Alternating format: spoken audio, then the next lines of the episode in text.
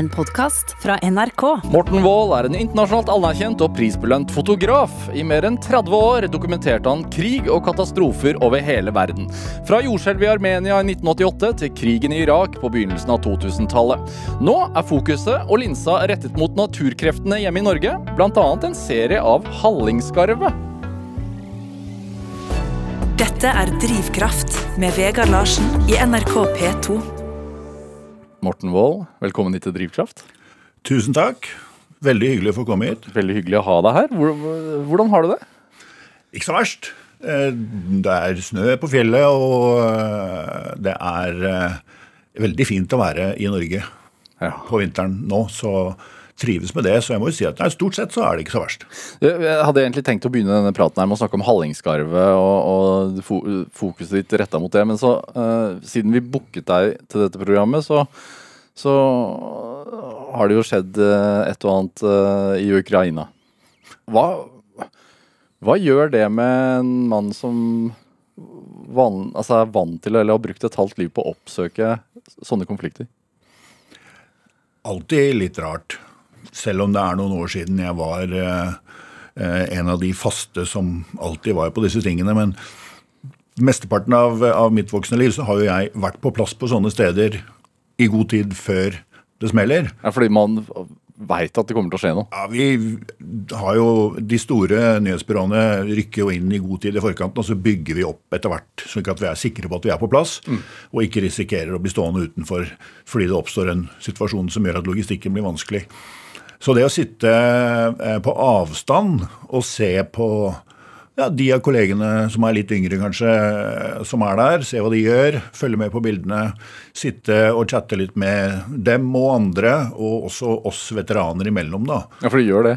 Ja, vi, vi vi klarer jo ikke å la være å, eh, skal vi si det, gamle sirkushester. da, Vi, vi eh, prater litt og chatter litt om eh, det som skjer nå. Eh, spoler eh, sånn elegant forbi nyhetsdekningen og går litt inn i mer sånn underliggende ting som man eh, bør kunne hvis man skal jobbe med konfliktjournalistikk. Hva er det? Det er eh, mye historie. Mye Det er litt sånn uvant for oss her i Norge, fordi vi har ikke så mye av det. Hvis du spør en nordmann om hva som skjedde her for 500 år siden, så er det ganske tynt, det du får ut av det. Mens nå er vi i et område, Ukraina, Russland, hele den slaviske verden osv., hvor folk med den største selvfølge snakker om ting som skjedde på 1200-1300-1400-tallet. Eh, Fordi det er en del av historien, og det skjedde store dramatiske ting.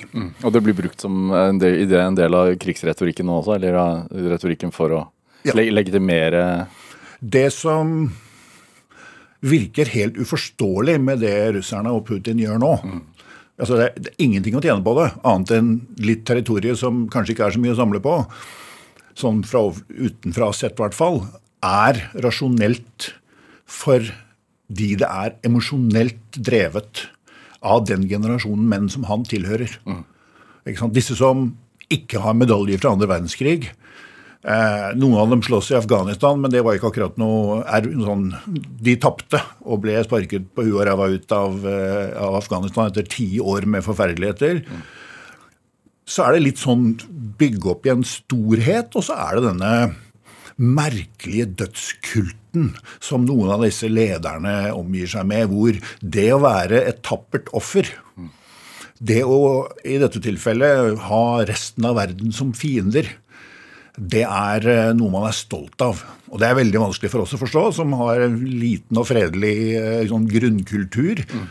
Men dette er jo det samme som jeg i sin tid møtte hos de bosniske serberne, og serberne f.eks., hvor man snakket ikke altså De snakket ikke om at de slåss mot en del av den bosniske eller den jugoslaviske befolkningen. De snakket om at de slåss mot tyrkerne, som forsøkte å utslette det serbiske folk. Og Den typen retorikk hører vi jo nå i Russland og Ukraina også, hvor det er en slags sånn Ja, Putin sitter og snakker om folkemord og nazister. Og Det er relativt enkel fact-checking som skal til for å finne ut at det stemmer ikke. Hvorfor er det Du sier at dere spoler litt forbi den daglige nyhetsdekningen og heller snakker om, snakker om historie. og hvorfor, hvorfor er det vesentlig i arbeidet som krigsfotograf? Det er jo som all annen journalistikk. Det blir ikke bra hvis ikke du vet hva du snakker om. Og det er vel kanskje det viktigste her. At du tenker deg den måten vi jobber på, på det nivået hvor man har ansvaret for de bildene som går ut til mange tusen mottakere i form av altså media outlets, da, aviser, websider, TV osv. Mm. hver dag, så er det at du kan ikke bomme, du kan ikke lyve. Enten du håper å si, gjør det med vilje eller ikke. Og da må du vite hva du snakker om. Det du sier skal være representativt. Og da kan du ikke ta en ytterlighet. En skarp vinkling. Mm. Det er ikke noe, altså Nyhetsbyrået driver ikke med skarpe vinklinger. En skarp vinkling som man eh, skryter på seg i tabloidavisene, det er i realiteten å flytte seg så langt unna det representative og ut mot en ytterlighet som man kan gjøre uten å bli beskyldt for direkte løgn. Mm. Og det er det motsatte, da. Den arbeidsmoralen der, eller den presseetikken der, er den selvpålagt? Altså er det noe som er iboende? Det er en tradisjon. Det er en forventning fra kundene. Det er en forventning fra Du sender ut eh, bilder, nyheter, TV, radio, alt sammen til mange, mange tusen outlets, og de forventer at de skal kunne sette det på trykk uten å dobbelt- og trippelsjekke det, for det skal allerede være gjort. Mm. Så Det betyr ikke at ikke man bommer av og til.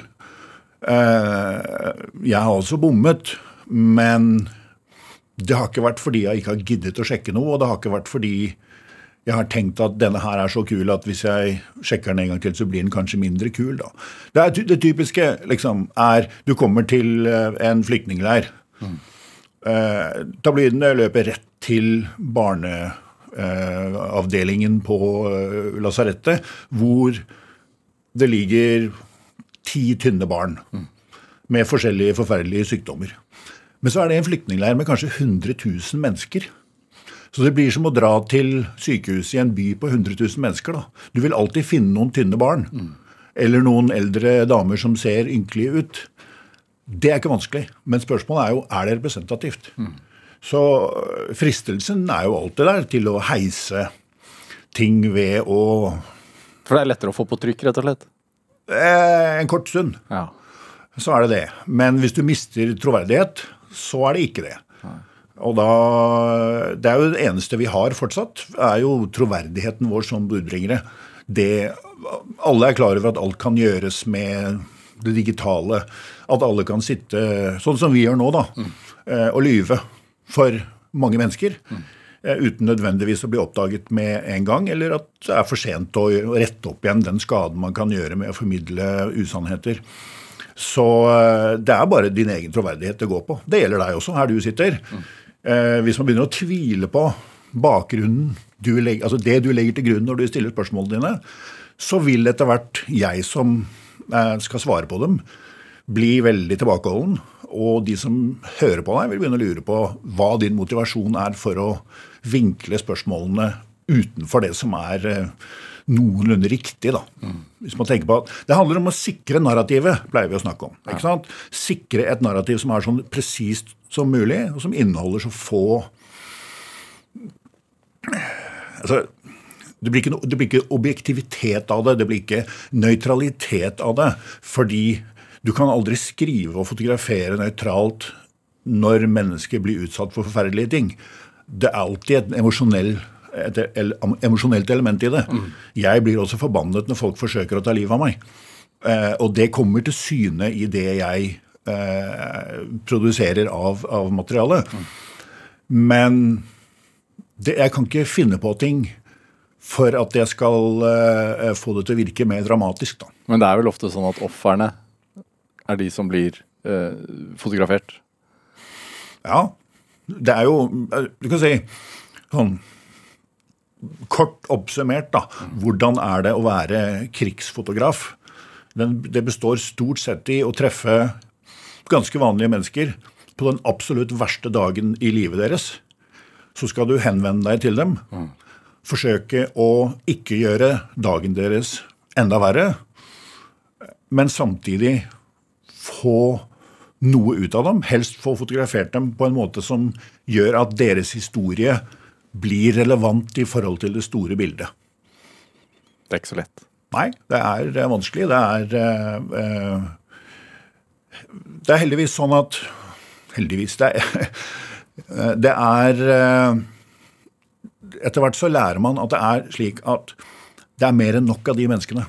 Hvis noen ikke vil, hvis noen snur seg litt bort eller løfter en hånd eller bare man får følelsen av at akkurat denne begravelsen av akkurat disse barna vil jeg ikke fotografere. Med mindre det er helt knusende nødvendig, så vil det alltid være noen nye barn som blir drept i en krig. Du behøver ikke å gjøre akkurat den akkurat der. Dette er Drivkraft med Vegard Larsen i NRK P2. Og i dag er eh, fotograf Morten Wold her hos meg i Drivkraft på NRK P2, som, som har over 30 års erfaring eh, fra å dokumentere krig og katastrofer over hele verden. I den sjette gruppa, når du da snakker med tidligere kolleger uh, som har vært mye ute, er, er det også et sånt Kribler det litt? Er det et, er det et savn i den, i den samtalen også? Ja, ikke bare litt.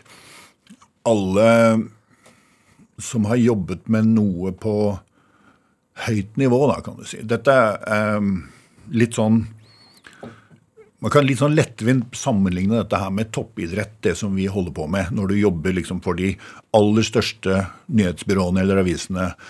eh, På de aller største storyene så er du liksom en av de viktigste.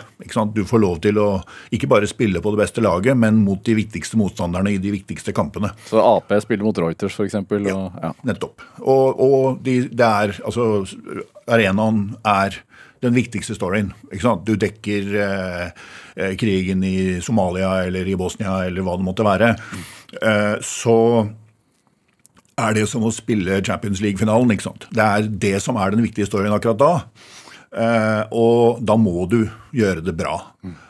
Og hvis du får lov til å holde på med det i noen år, så er du kjempeheldig. Sånn som jeg har vært. Jeg har hatt utrolig flaks som ikke har blitt kibbet ut av eh, mye bedre fotografer enn meg mange ganger. Eh, og så er det vel en slags sånn at du er villig til å ofre ganske mye for å holde på med det. Fordi når du, når- du Unnskyld at jeg avbryter deg. Når, når du sier at du er heldig og har flaks som får lov til å reise rundt og dekke elendighet, så blir jo jeg litt eh, Jeg ser jo ikke på det som flaks. Nei, det er ikke eh, si Det er, det, det er et lang, eh, langt sett med årsaker til at man ender opp med å jobbe med de temaene. Men det er flaks at man, når man først er der og begynner å gjøre det, ikke blir en eh, døgnflue. At man ikke havner på benken etter den første kampen for så ikke å være med i stallen og så forsvinne. Fordi konkurransen er så ekstrem i dette her. Vi er jo nesten alle sammen frilansere. Og eh, det er i hvert fall ingen jobbsikkerhet i, i dette her. Da. Så du kan si at hvis jeg nå da ser tilbake eh, til den gangen jeg var på høyden, da, for, å, for å si det sånn, så er det klart at det er på, når man er en relativt ung mann, man gjør det man syns er viktig, man gjør det man har mest lyst til av alle ting. Det, er, hadde, det var ingenting annet jeg hadde mer lyst til enn å jobbe med den tematikken på den måten. Eh, Til og med valget, altså Oppdragsgiver var den optimale for meg. Jeg kunne ikke ha hatt det bedre, sånn profesjonelt sett, og som et liv. Og så ser du tilbake på det etter noen år og tenker ja, det var jo ganske kult. Eh, kanskje jeg skal gå ut og ta noen bilder av et fjell i stormen. Eh, Så, så eh, som alle sånne has-beens, da. ikke sant? Gamle fotballproffer har jo en tendens til å legge på seg og eh, være med i reality-TV-programmer og gjøre ting som kanskje ikke er helt det de hadde tenkt seg. Og det er mye jeg gjør nå som ikke er helt det jeg hadde tenkt meg. Samtidig så innser jeg jo at det er en tid for alt. Så, Så når du, slutt. Men, men så, så når du ligger og, og fotograferer Hallingskaret gang på gang eh, ja, du, se- Setter du ikke helt pris på det, er det det du sier? Jo da. Men eh, Den brennende nødvendigheten er ikke der på den måten. Jeg gjør nesten ingenting lenger som fremstår som så viktig for meg som de årene hvor jeg gjorde eh, det jeg si, både var best til og fikk mest ut av personlig. Det er, det er en, på mange måter en sånn Den nedturen begynner jo gjerne før du er klar over den. Sånn er det jo med de fleste av oss. At uh, vi er si, over middagshøyden før vi helt forstår det selv. Og det gjorde det for meg også. Det var jo sånn, Telefonen ringte litt, uh, ikke, ikke, fullt så ofte, og det var gjerne litt mindre spennende storyer. Og til slutt så skjønte jeg at det, nå er det i ferd med å bli over. Mm. Så før jeg må begynne å ringe og spørre om å få et oppdrag, så er det greit kanskje å bevege seg videre, da. Og så, sammen, så kom dette her sammen med at internett tok over media. Så alle annonseinntektene forsvant jo ut av avisene. Mm. Så det som finansierte oss i stor grad, var jo ettersalget av bilder. I tillegg til den daglige dekningen så var det dette her at magasiner og blader over hele verden kjøpte bilder til publikasjon i store reportasjer og sånn. Mm. Og de hadde masse penger fordi de hadde masse annonser. På slutten av 90-tallet så endret det seg. Så jeg fikk med meg den tiden hvor det var masse penger i media. Vi leide helikoptre og kjøpte pansrede biler og fløy privatfly, og vi holdt på med alle de tingene eh, som ingen har råd til nå. Så det er klart at eh, Gjør det at du respekterer de som faktisk gjør dette her enda mer i dag?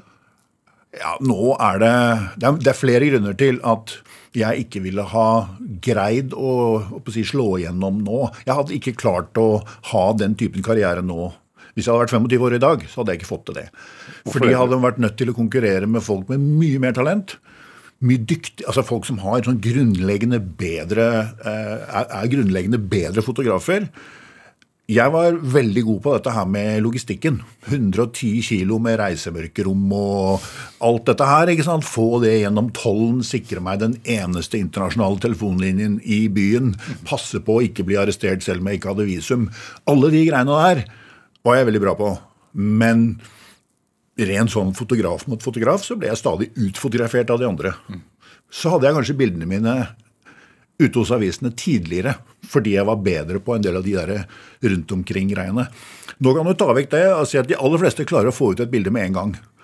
Eh, fordi de kan gjøre det via en mobiltelefon eller hva som helst. ikke sant mm. Og utstyret er blitt mye lettere å bruke på alle måter. Hva veier de i dag kontra hva veier de i dag kontra de, ja, den gang? Det også, Nå kommer du langt med en kilo. ikke sant? Så, så der er det stor forskjell. Men det er, eh, det er, det er tydeligere da, hvor dyktig du er, hvor bra det du produserer er, og hvor rask du er, selvfølgelig.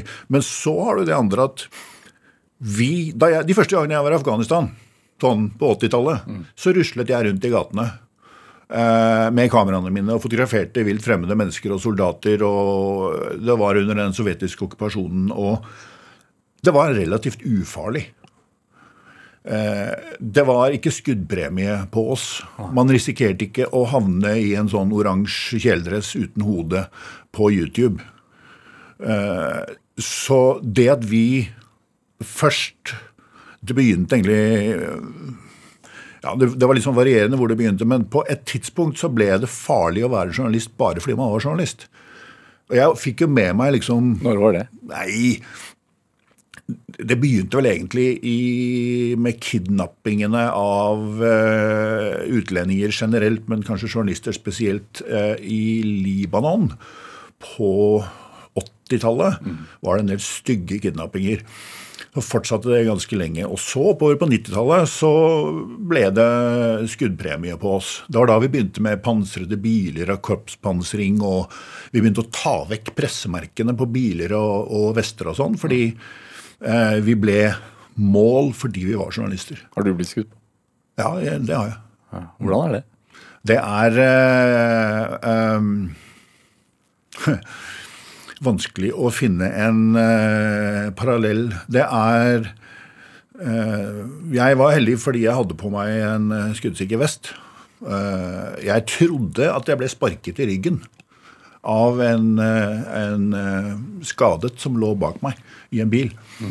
Jeg skjønte ikke før etterpå, da det ble, ble, ble, gjort oppmerksom på det, at jeg hadde blitt truffet flere ganger i, i ryggen. Så Men jeg, jeg brakk noen ribbein, og det var jo vondt sånn i etterkant. Men jeg merket ikke så mye til det der og da, fordi det var i en situasjon hvor ting gikk veldig fort, og det skjedde veldig mye. Og det gikk mye hardere utover andre enn det gjorde over meg. Jeg var veldig heldig i den situasjonen. da. Det at du nå tar bilder av natur, er det eh, en nødvendighet? At det er natur og ro istedenfor at det er by og masse folk? Ja, det vil jeg vel tro. Det er en ren estetisk øvelse ofte. Ikke sant? Jeg går ut der og leter etter noe som jeg tillater meg å, å se etter i naturen. Jeg mener at jeg da etter så mange år med formidling visuelt har en slags eh, stemme da, å snakke om dette her med. At jeg kanskje ikke bare er ute etter postkortene. Eh, Jeg er ikke så opptatt av jeg er egentlig ikke så opptatt av hva de jeg viser bildene til, syns. Jeg er mer opptatt av at det ligger nært inntil det jeg opplever med naturen, da. Hva er det? Nei, det er jo krefter.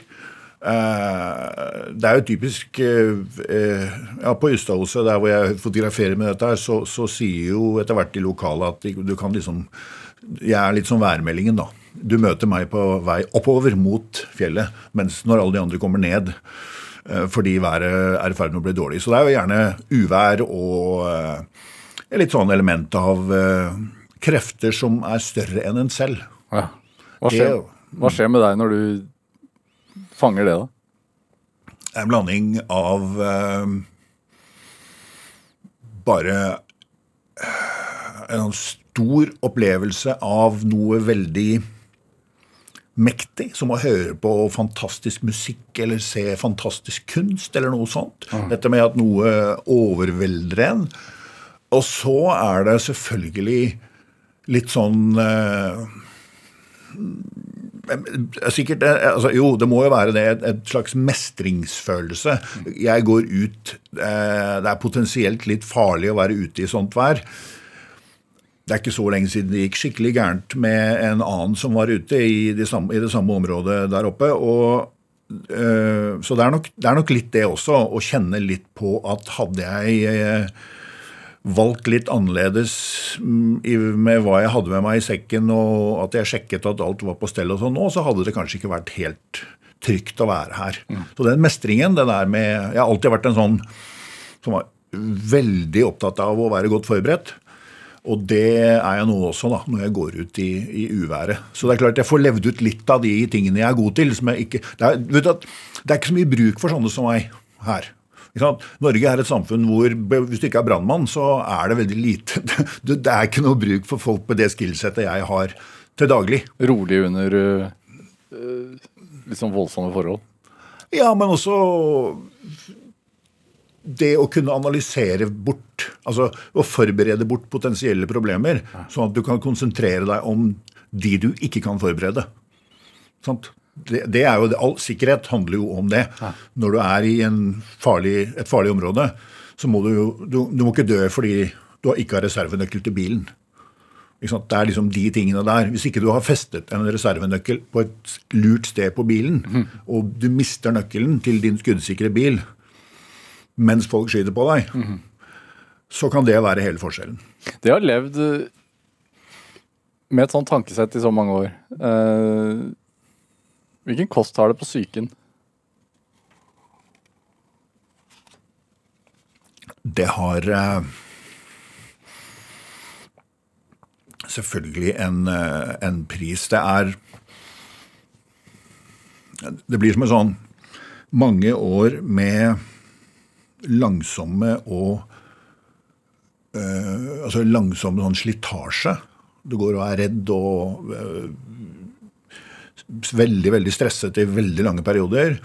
Det har jo altså, noen bakgrunn her. Vi som jobber med disse tingene på den måten som jeg har gjort, vi drar ikke på sånn pakketurjournalistikk at vi reiser et sted i ti dager for å ha et byline-bilde foran en utbrent eh, bygning, og så lage en, noen spenstige reportasjer og eh, sånn. Vi flytter dit. Vi er der i måneder om gangen. Og det er klart at det tar på i det daglige også.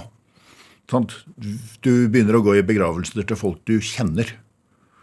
Det er ikke bare for å fotografere fremmede som har mistet barna sine. Du kjenner etter hvert folk selv som du går i begravelsene til, som du hjelper med ting. Alt dette her, da. Du blir en del av et, av et samfunn ganske fort. Hvor i verden befinner vi oss nå? Nei, Det kan være hvor som helst. Altså eh, Vanskeligste sånn eh, sikkerhetsmessig, kanskje Somalia på 90-tallet, hvor det var eh, umulig å bevege seg uten å ha med seg en hel liten hær av soldater. For å, for å, og selv da gikk det jo galt med mange av oss. Så eh, Og der var jeg lenge. Afghanistan. Mange av disse stedene hvor, hvor eh, man blir en del av eh, noe og får altså, Ja, man eh, blir påvirket på en helt annen måte når man kjenner har, bare sånn, Et eksempel da, når du kjører gjennom gatene i bilen din som det står AP på mm.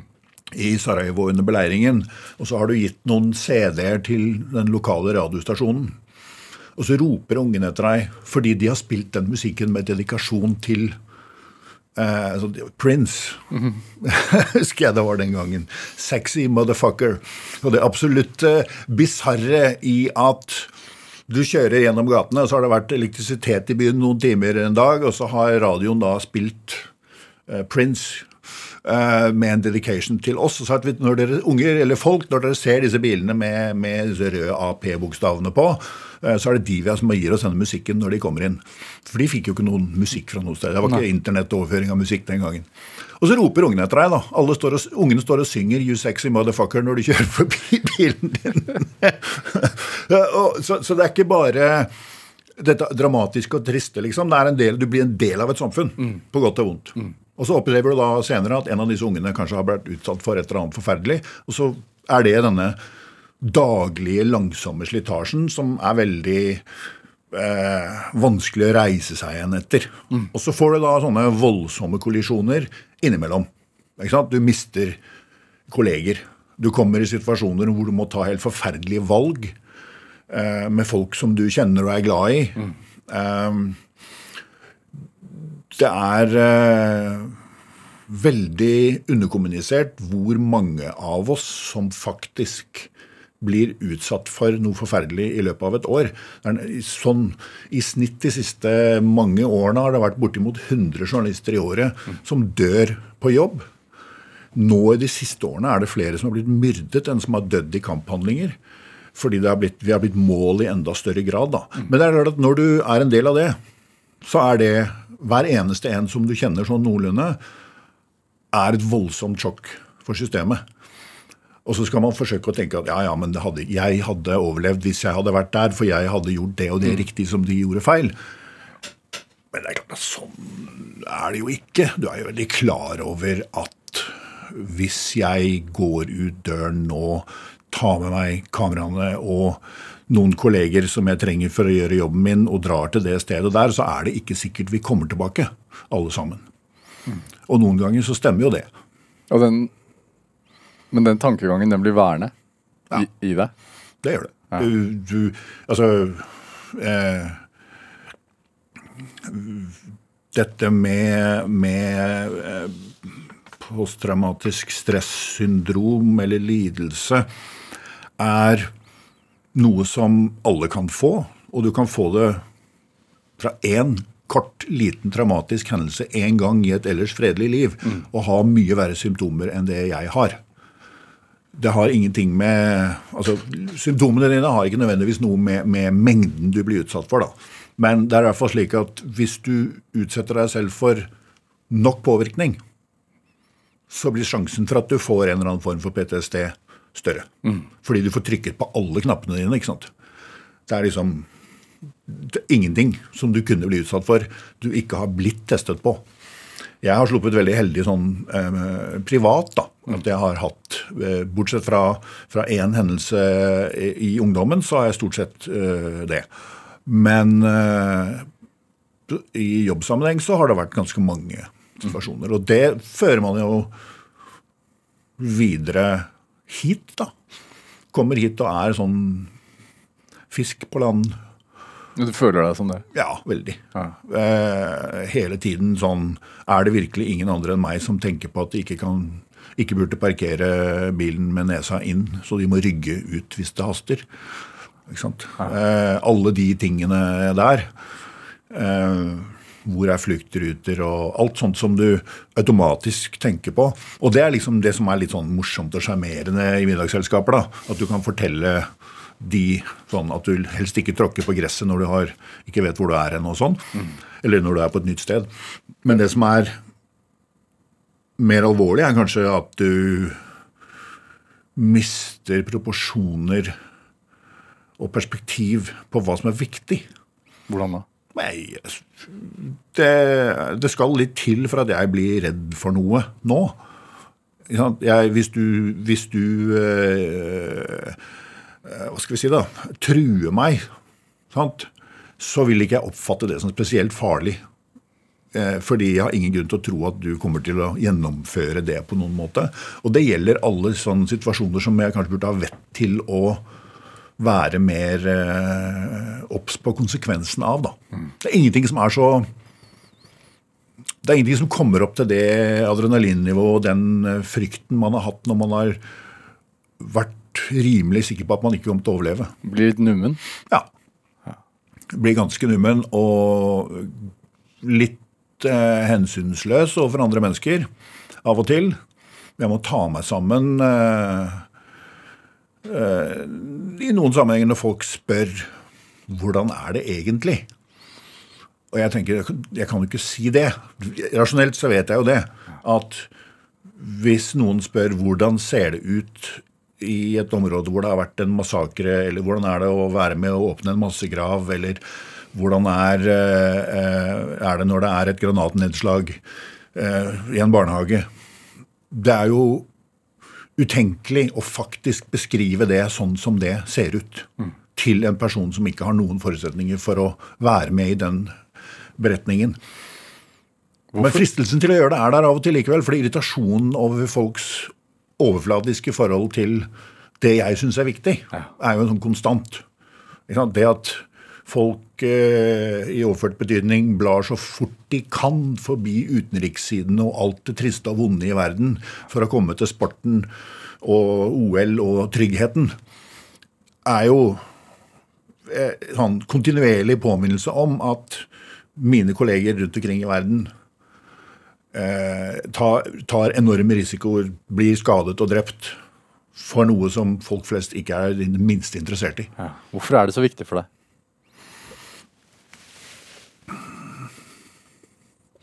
Jeg tror ikke det er bare én ting. Jeg tror det er eh, Jeg vokste opp i en sånn typisk eh, situasjon hvor, hvor eh, jeg, var- si, Oppveksten var liksom veldig farget av andre verdenskrig. Mm. Det var bestefarsgenerasjon bestefars generasjon med krigsseilere. Eh, Det var eh, folk som hadde flyktet fra Norge pga. den tyske invasjonen. Eh, Så si, mine eh, foreldre eh, Moren min har jo bakgrunn som flyktning. Eh, Det er klart at det påvirker en. Fra Hun er født i Sverige under andre verdenskrig. Eh, Det er veldig sånn lett å glemme det, at vi stakk til Sverige. Eh, Og vi ble ikke sendt tilbake. Eh, Sånn, I hvert fall ikke med en gang, da, kan du si. Så det er nå én ting. Det var en veldig sånn jeg var veldig fascinert av dette med andre verdenskrig fordi det var relativt nylig da jeg vokste opp. Det var ikke lenge siden. Det var masse folk som husket det. og ja, Det var en viktig del av historien. Så kom vel dette her med en slags sånn aha-opplevelse på dette med fotografi nærmest ved en tilfeldighet. Faren min kjøpte et kamera da jeg var midt i tenårene en gang. Og Jeg fiklet, sånn som alle tenåringsgutter ville ha gjort, så fiklet jeg meg det lenge nok til at jeg klarte å åpne baklokket og ødelegge bildene. Og da hans eh, noe monosyllabiske måte å bli forbannet på det Den gangen var jo bare å si ja, bare behold det der jævla kameraet, da. Så det gjorde jeg. Eh, og fikk masse støtte av eh, mine foreldre til å fotografere og bli bedre. Er det Tønsberg vi snakker om nå? Nei, nå snakker vi om uh, veldig mange steder. Ja. Faren min uh, var sjømann, vi, og moren min uh, er lærer. Sånn at vi hadde skole om bord til sjøs da vi var små. Så vi reiste rundt på tankbåter til veldig mange land. Og det er også en del av årsaken her. ikke sant? Et eh, sånn eh, fle, altså god kulturforståelse fra ung alder og nysgjerrighet på andre kulturer. da. Så, så det er en, en del av det. Og så skjedde det noe etter at jeg hadde begynt å fotografere litt. hvor Jeg satt og, og leste i en bok om andre verdenskrig. Og så var det bilder fra frigjøringen av Belsen. En fotograf som heter George Roger, som hadde vært der og tatt dem. Og så var det en sånn liten enspalter ved siden av den hovedhistorien hvor han fortalte om hvordan det var å fotografere der.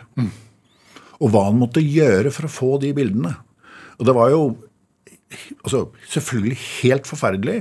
Og han opplevde at han måtte snakke med disse døde menneskene som han tråkket over og var på en måte Han, han følte at han balanserte på det som var greit å gjøre i forhold til alle disse døde menneskene for å få fortalt deres historie. For det var noen av de første bildene som kom fra disse konsentrasjonsleirene. Eller dødsleirene, som Belsen var da. Eh, Da gikk det opp for meg at et fotografi i en bok eller en avis er ikke et vindu til noe. Det har stått noen der og bestemt hva jeg skal få se. Har gjort de valgene for meg. Og da ble jeg veldig fascinert. Så etter det så ble det liksom lokalaviser og ja, videre, da.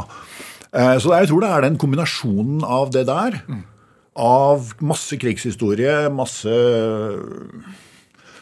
interesse for det, og så denne tilfeldige fotografiinteressen, så viser det seg at jeg var ganske god til det. Jeg, kunne, liksom, jeg fikk det lett til. Eh, Og så falt de to tingene sammen i denne ene fortellingen til denne ene fotografen fra dette helt forferdelige situasjonen. Så manglet jeg på mange måter en sånn farsfigur, for faren min var jo alltid borte til sjøs. Etter hvert som jeg måtte være i, i, i land da jeg var litt eldre. Så jeg adopterte nok eh, en del av disse kjente, legendariske Vietnam-fotografene osv. som sånne folk som jeg så opp til og ville være som, i mangel av noen andre. Hvem? I mangel av faren min, ja. Ja, men hvem, hvem var det? Nei, ja, eh, Don McCullin eh, ja, det, kan, det blir urettferdig å, å fremheve noen, men en av dem var jo han som etter hvert ble min sjef i AP. Horst Fass, eh, legendarisk tysk eh, eh, pressefotograf og byråsjef for AP i Saigon. Mannen som lurte sitt eget byrå og sørget for at dette berømte bildet av eh, denne piken, napalm-piken som kommer løpende mot oss, og som kanskje var det, det ene stillbildet som forandret historien når det gjelder Vietnamkrigen og amerikansk opinion, mer enn noe annet. Det skulle ikke ha vært på Troll. Det skulle ikke ha vært på veien. Dette bildet var i strid med APs retningslinjer om at full frontal nudity, det viser man ikke. Men han sørget for at bildet gikk rett igjennom og ut til alle eh, avisene. Så det var for sent å stoppe det. Eh, og så det vel, tok det flere dager før noen turte å trykke det. Men det var den typen person han var. At da var det viktig nok, så var det ingenting som eh, var en hindring, da. Han eh, var en, en eh, fantastisk mann å jobbe for, og var den som rekrutterte meg i sin tid. Har bildet like stor kraft i dag? Ikke det, men foto som, som medium? Nei. Det har det ikke. Det er det ingenting i media som har. Eh, hvis jeg spør deg hvem, altså, hva var det som vant Pulitzerprisen i nyhetsjournalistikk eller fotografi i fjor, så har ikke, du aner det ikke. Så det har mistet den tyngden det hadde. Mens for 20-30 år siden så var det sånne bautaer i, den kortsiktige altså den eh, ja, nåtidspressehistorien, da. Det, øh, Morten Wold, eh, altså du begynte jo lokalaviser og sånne ting. Eh, men noe av det første oppdraget ditt var i Armenia? Nei, jeg hadde Jeg var jo eh, Jeg hadde i mange år eh, drevet en sånn ørkenvandring med selvoppdrag. selv- selvoppdrag. altså hvor jeg da sendte meg selv ut i verden for å forsøke å slå gjennom og bli berømt og bli eh, en stor, eh, spennende fotograf. eh, helt fra veldig ung alder. Men jeg mislyktes ganske kraftig eh, til å begynne med, som de fleste gjør. Hvorfor det? Nei, det var ikke bra nok, eller var, de andre var bedre. altså You name it. Det var mye som skal til. Det var sånn, det gikk greit, men ikke veldig bra. Eh, og så jobbet jeg samtidig for NTB i Oslo. Det var en veldig god skole, og også veldig nyttig, fordi da fikk jeg konkurrere med alle de kule avisene, avisfotografene i, i Norge. Og av og til slå dem og ha bilder på trykk i deres egne aviser. Det var jo også gøy, da. Men Eh, og der fikk jeg kontakten ut mot AP. Men i Armenia var en sånn tilfeldighet som ble til en sjanse, fordi jeg var i ni dager den eneste journalisten av noe slag inne i jordskjelvet der i, eh, i eh, 1988. Da var det unntakstilstand, så Reiste du dit før, eller? Nei, jeg fløy ned med et uh, Røde Kors-fly. Um, med norsk Røde Kors-fly med, med blodplasma. Og det skulle bare losses av på en flyplass, og det var ikke noe bilde. Det var liksom en mann fra armensk Røde Kors, eller sovjetisk da, Røde Kors den gangen, som tok en norsk Røde Korser i hånden og sa takk for blodplasmaen. Så jeg tenkte Så sto du der? ja, nei, jeg var jo der, så, men det var jo ikke noe jordskjelv der. Nei. Det var jo langt unna. Ja. Og det var et fly fullt av journalister og blodplasma. Og alle de andre journalistene ble med det flyet tilbake til Oslo den natten.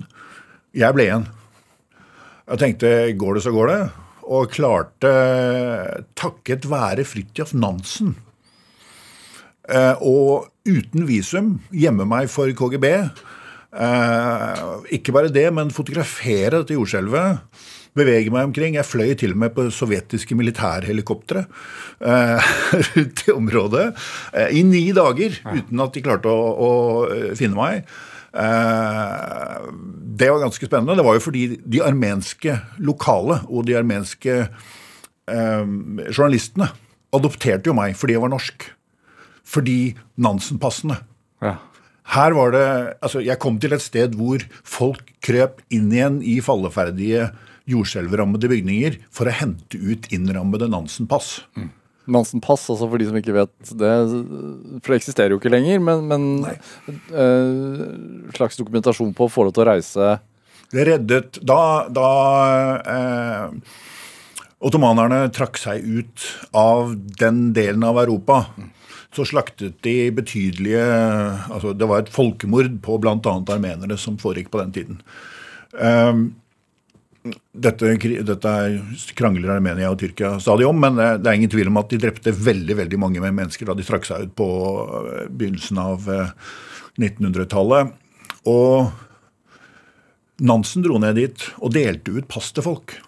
Som var en slags sånn dokumentasjon på at de skulle videre. Og disse byråkratisk innstilte ottomanerne de aksepterte det. At hvis du hadde et Nansen-pass, da skar de ikke hodet av deg.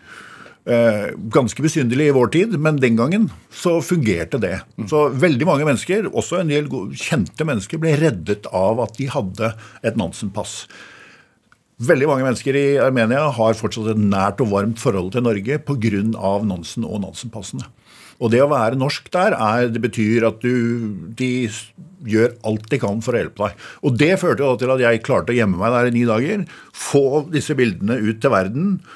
Eh, og da fikk jeg etter det en sånn sjanse, da.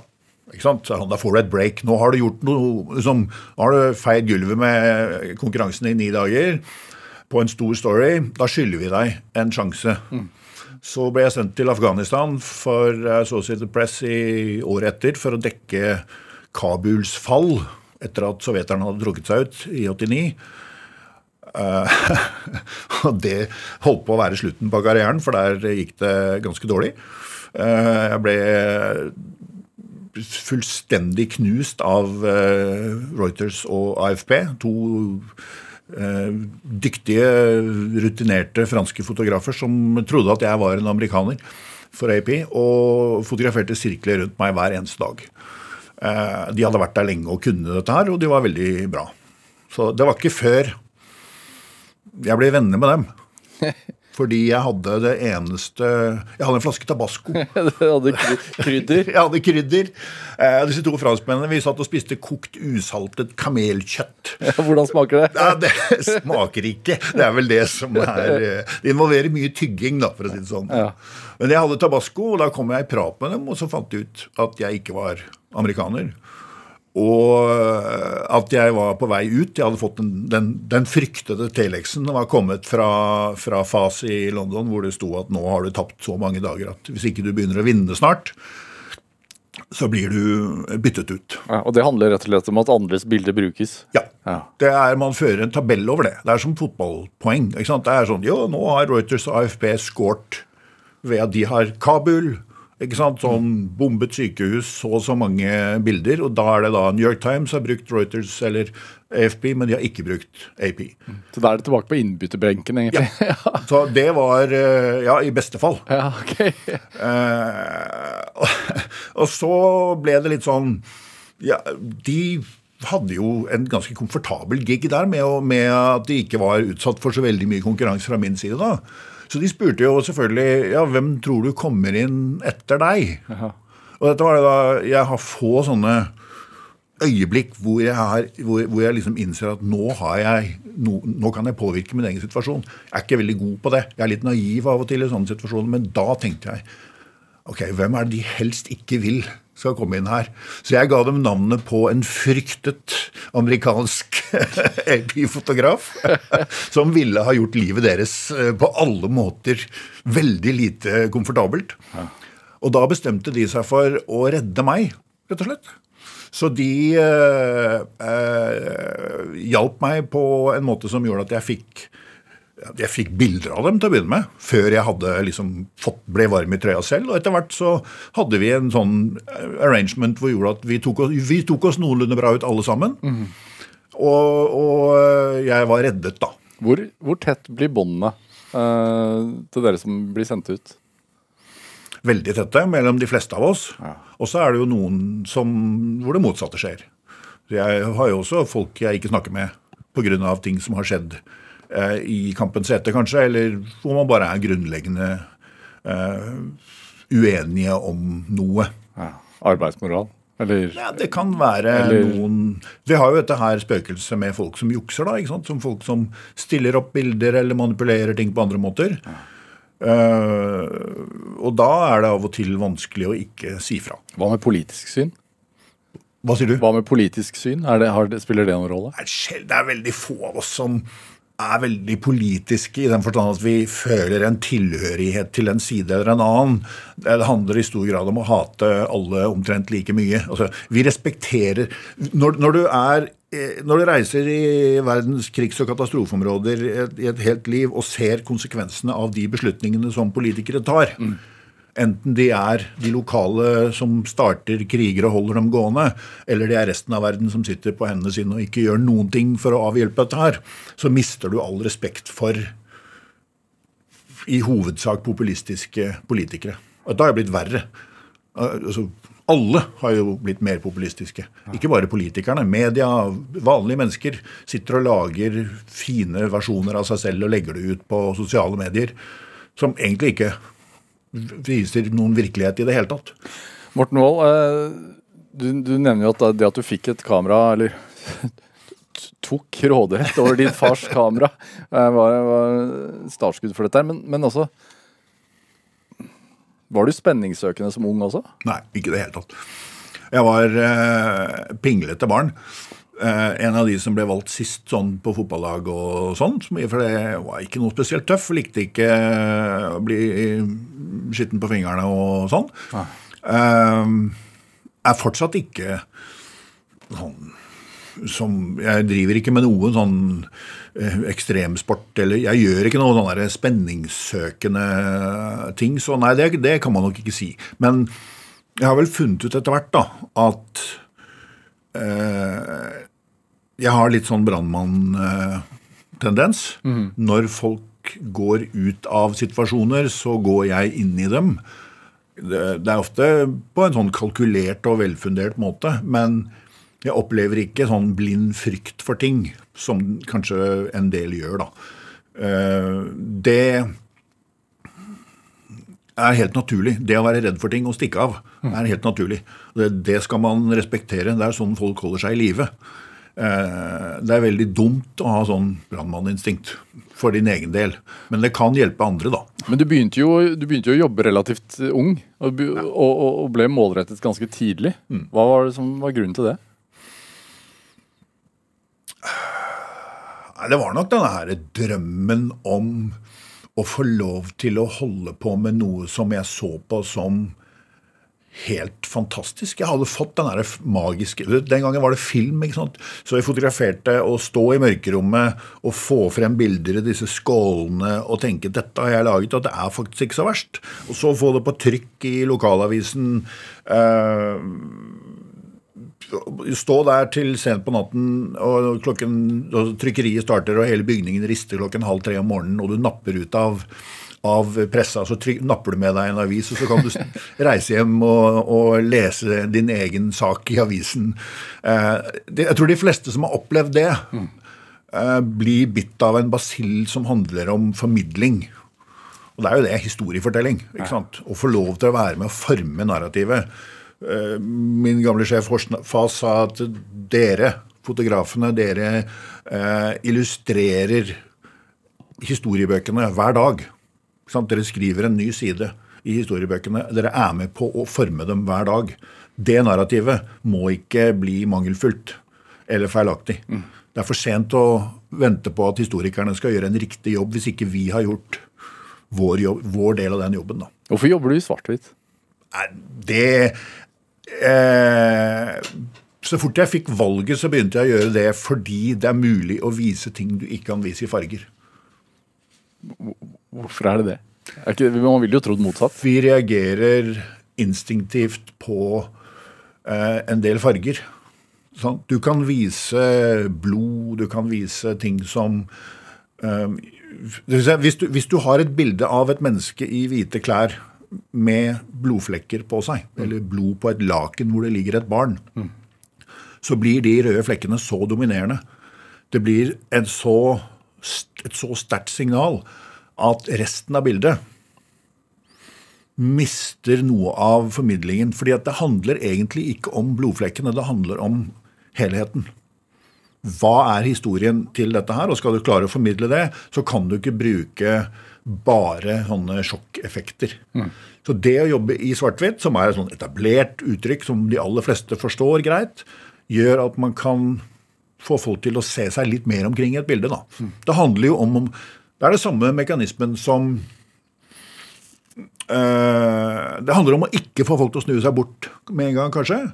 Dette her, 'Å nei, æsj, dette orker jeg ikke å se på'. Mm. Uh, det handler om noe av det med å få øynene til å gjøre en reise i bildet når de ser det. Så det handler jo, I dag så ville vi sagt at det handler om å stoppe tommelen når folk sitter og flikker gjennom bilder på skjermene sine, mm. ved at det er mer å ta tak i visuelt enn bare eh, no, en, en, effekt. da, kan du si. Så Det er vel kanskje ja, det, er, det, kan holde et langt foredrag om dette her, men ja, noe sånt. Men det å tenke de tankene når man står oppe i en sånn situasjon og ser noe som for alle oss er helt forferdelig, og, og, som vi tar nattesøvn for de fleste, er jo en Det kan man bare lære med erfaring, eller hva er En kombinasjon av øh, ikke, ikke, bare erfaring, men også kunnskap. Ja.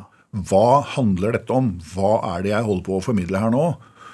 Vite det, som jeg sa til å begynne med. Man må vite hva man snakker om når man jobber i media. Sånn, her er det et langt sprang fra eh, den gang altså, da jeg begynte i media i, eller som fotograf i Norge, så var mange fotografer sjåfører som illustrerte journalistens bilder. Mm. Eh, det er et langt sprang derfra til å være en fotograf som har en journalist med seg som skriver til bildene du tar.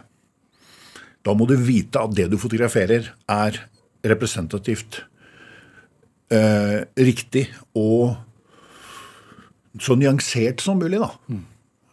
Og de tankene, det der, det er jo bakgrunnskunnskap, research, alt dette her. Erfaring, selvfølgelig. Og så må du ha altså et minimum av, talent for å forme noe visuelt. da. Hvis du aldri greier å få balanse i bildet sånn at ikke det blir visuelt noenlunde greit, så blir det litt som å være musiker og å være umusikalsk. Det er enkelte hindringer som er uoverstigelige når man skal formidle eh, noe visuelt. tenker sånn Når man har levd det livet du har gjort i såpass mange år, så har du jo en pris. Ville du gjort det på nytt? Ja, definitivt. Kanskje ikke på akkurat samme måte. Og jeg ville nok ha forsøkt i hvert fall å tatt mer hensyn til menneskene rundt meg privat, som det har gått hardt utover uh, i perioder. Det er helt sikkert. Og det mm, skulle jeg nok gjerne ha, ha gjort annerledes. Uh, men grunnleggende ja, Hvis jeg ikke hadde vært veldig god til noe annet, så Jeg skulle gjerne vært musiker, men det, jeg er akkurat musikalsk nok til å vite at jeg synger falsk. Ja, vi skulle egentlig spilt Bob Dylan her i dag også, men det rakk vi ikke fordi det var såpass interessant å høre på deg. Morten Wahl, tusen, tusen takk for at du kom hit til Drivkraft. Takk for at jeg fikk komme. Hør flere samtaler i Drivkraft på nrk.no eller i appen NRK Radio. Send oss gjerne ris og ros og tips til mennesker som du mener har drivkraft. Send den e-posten til drivkraft. Krøllalfa nrk.no. Vi hører gjerne fra deg. Produsent i dag var Heidi Andersen. Ellen Foss Sørensen gjorde research til dette programmet. Jeg heter Vegard Larsen. Vi høres. Du har hørt en podkast fra NRK. Hør flere podkaster og din NRK-kanal i appen NRK Radio.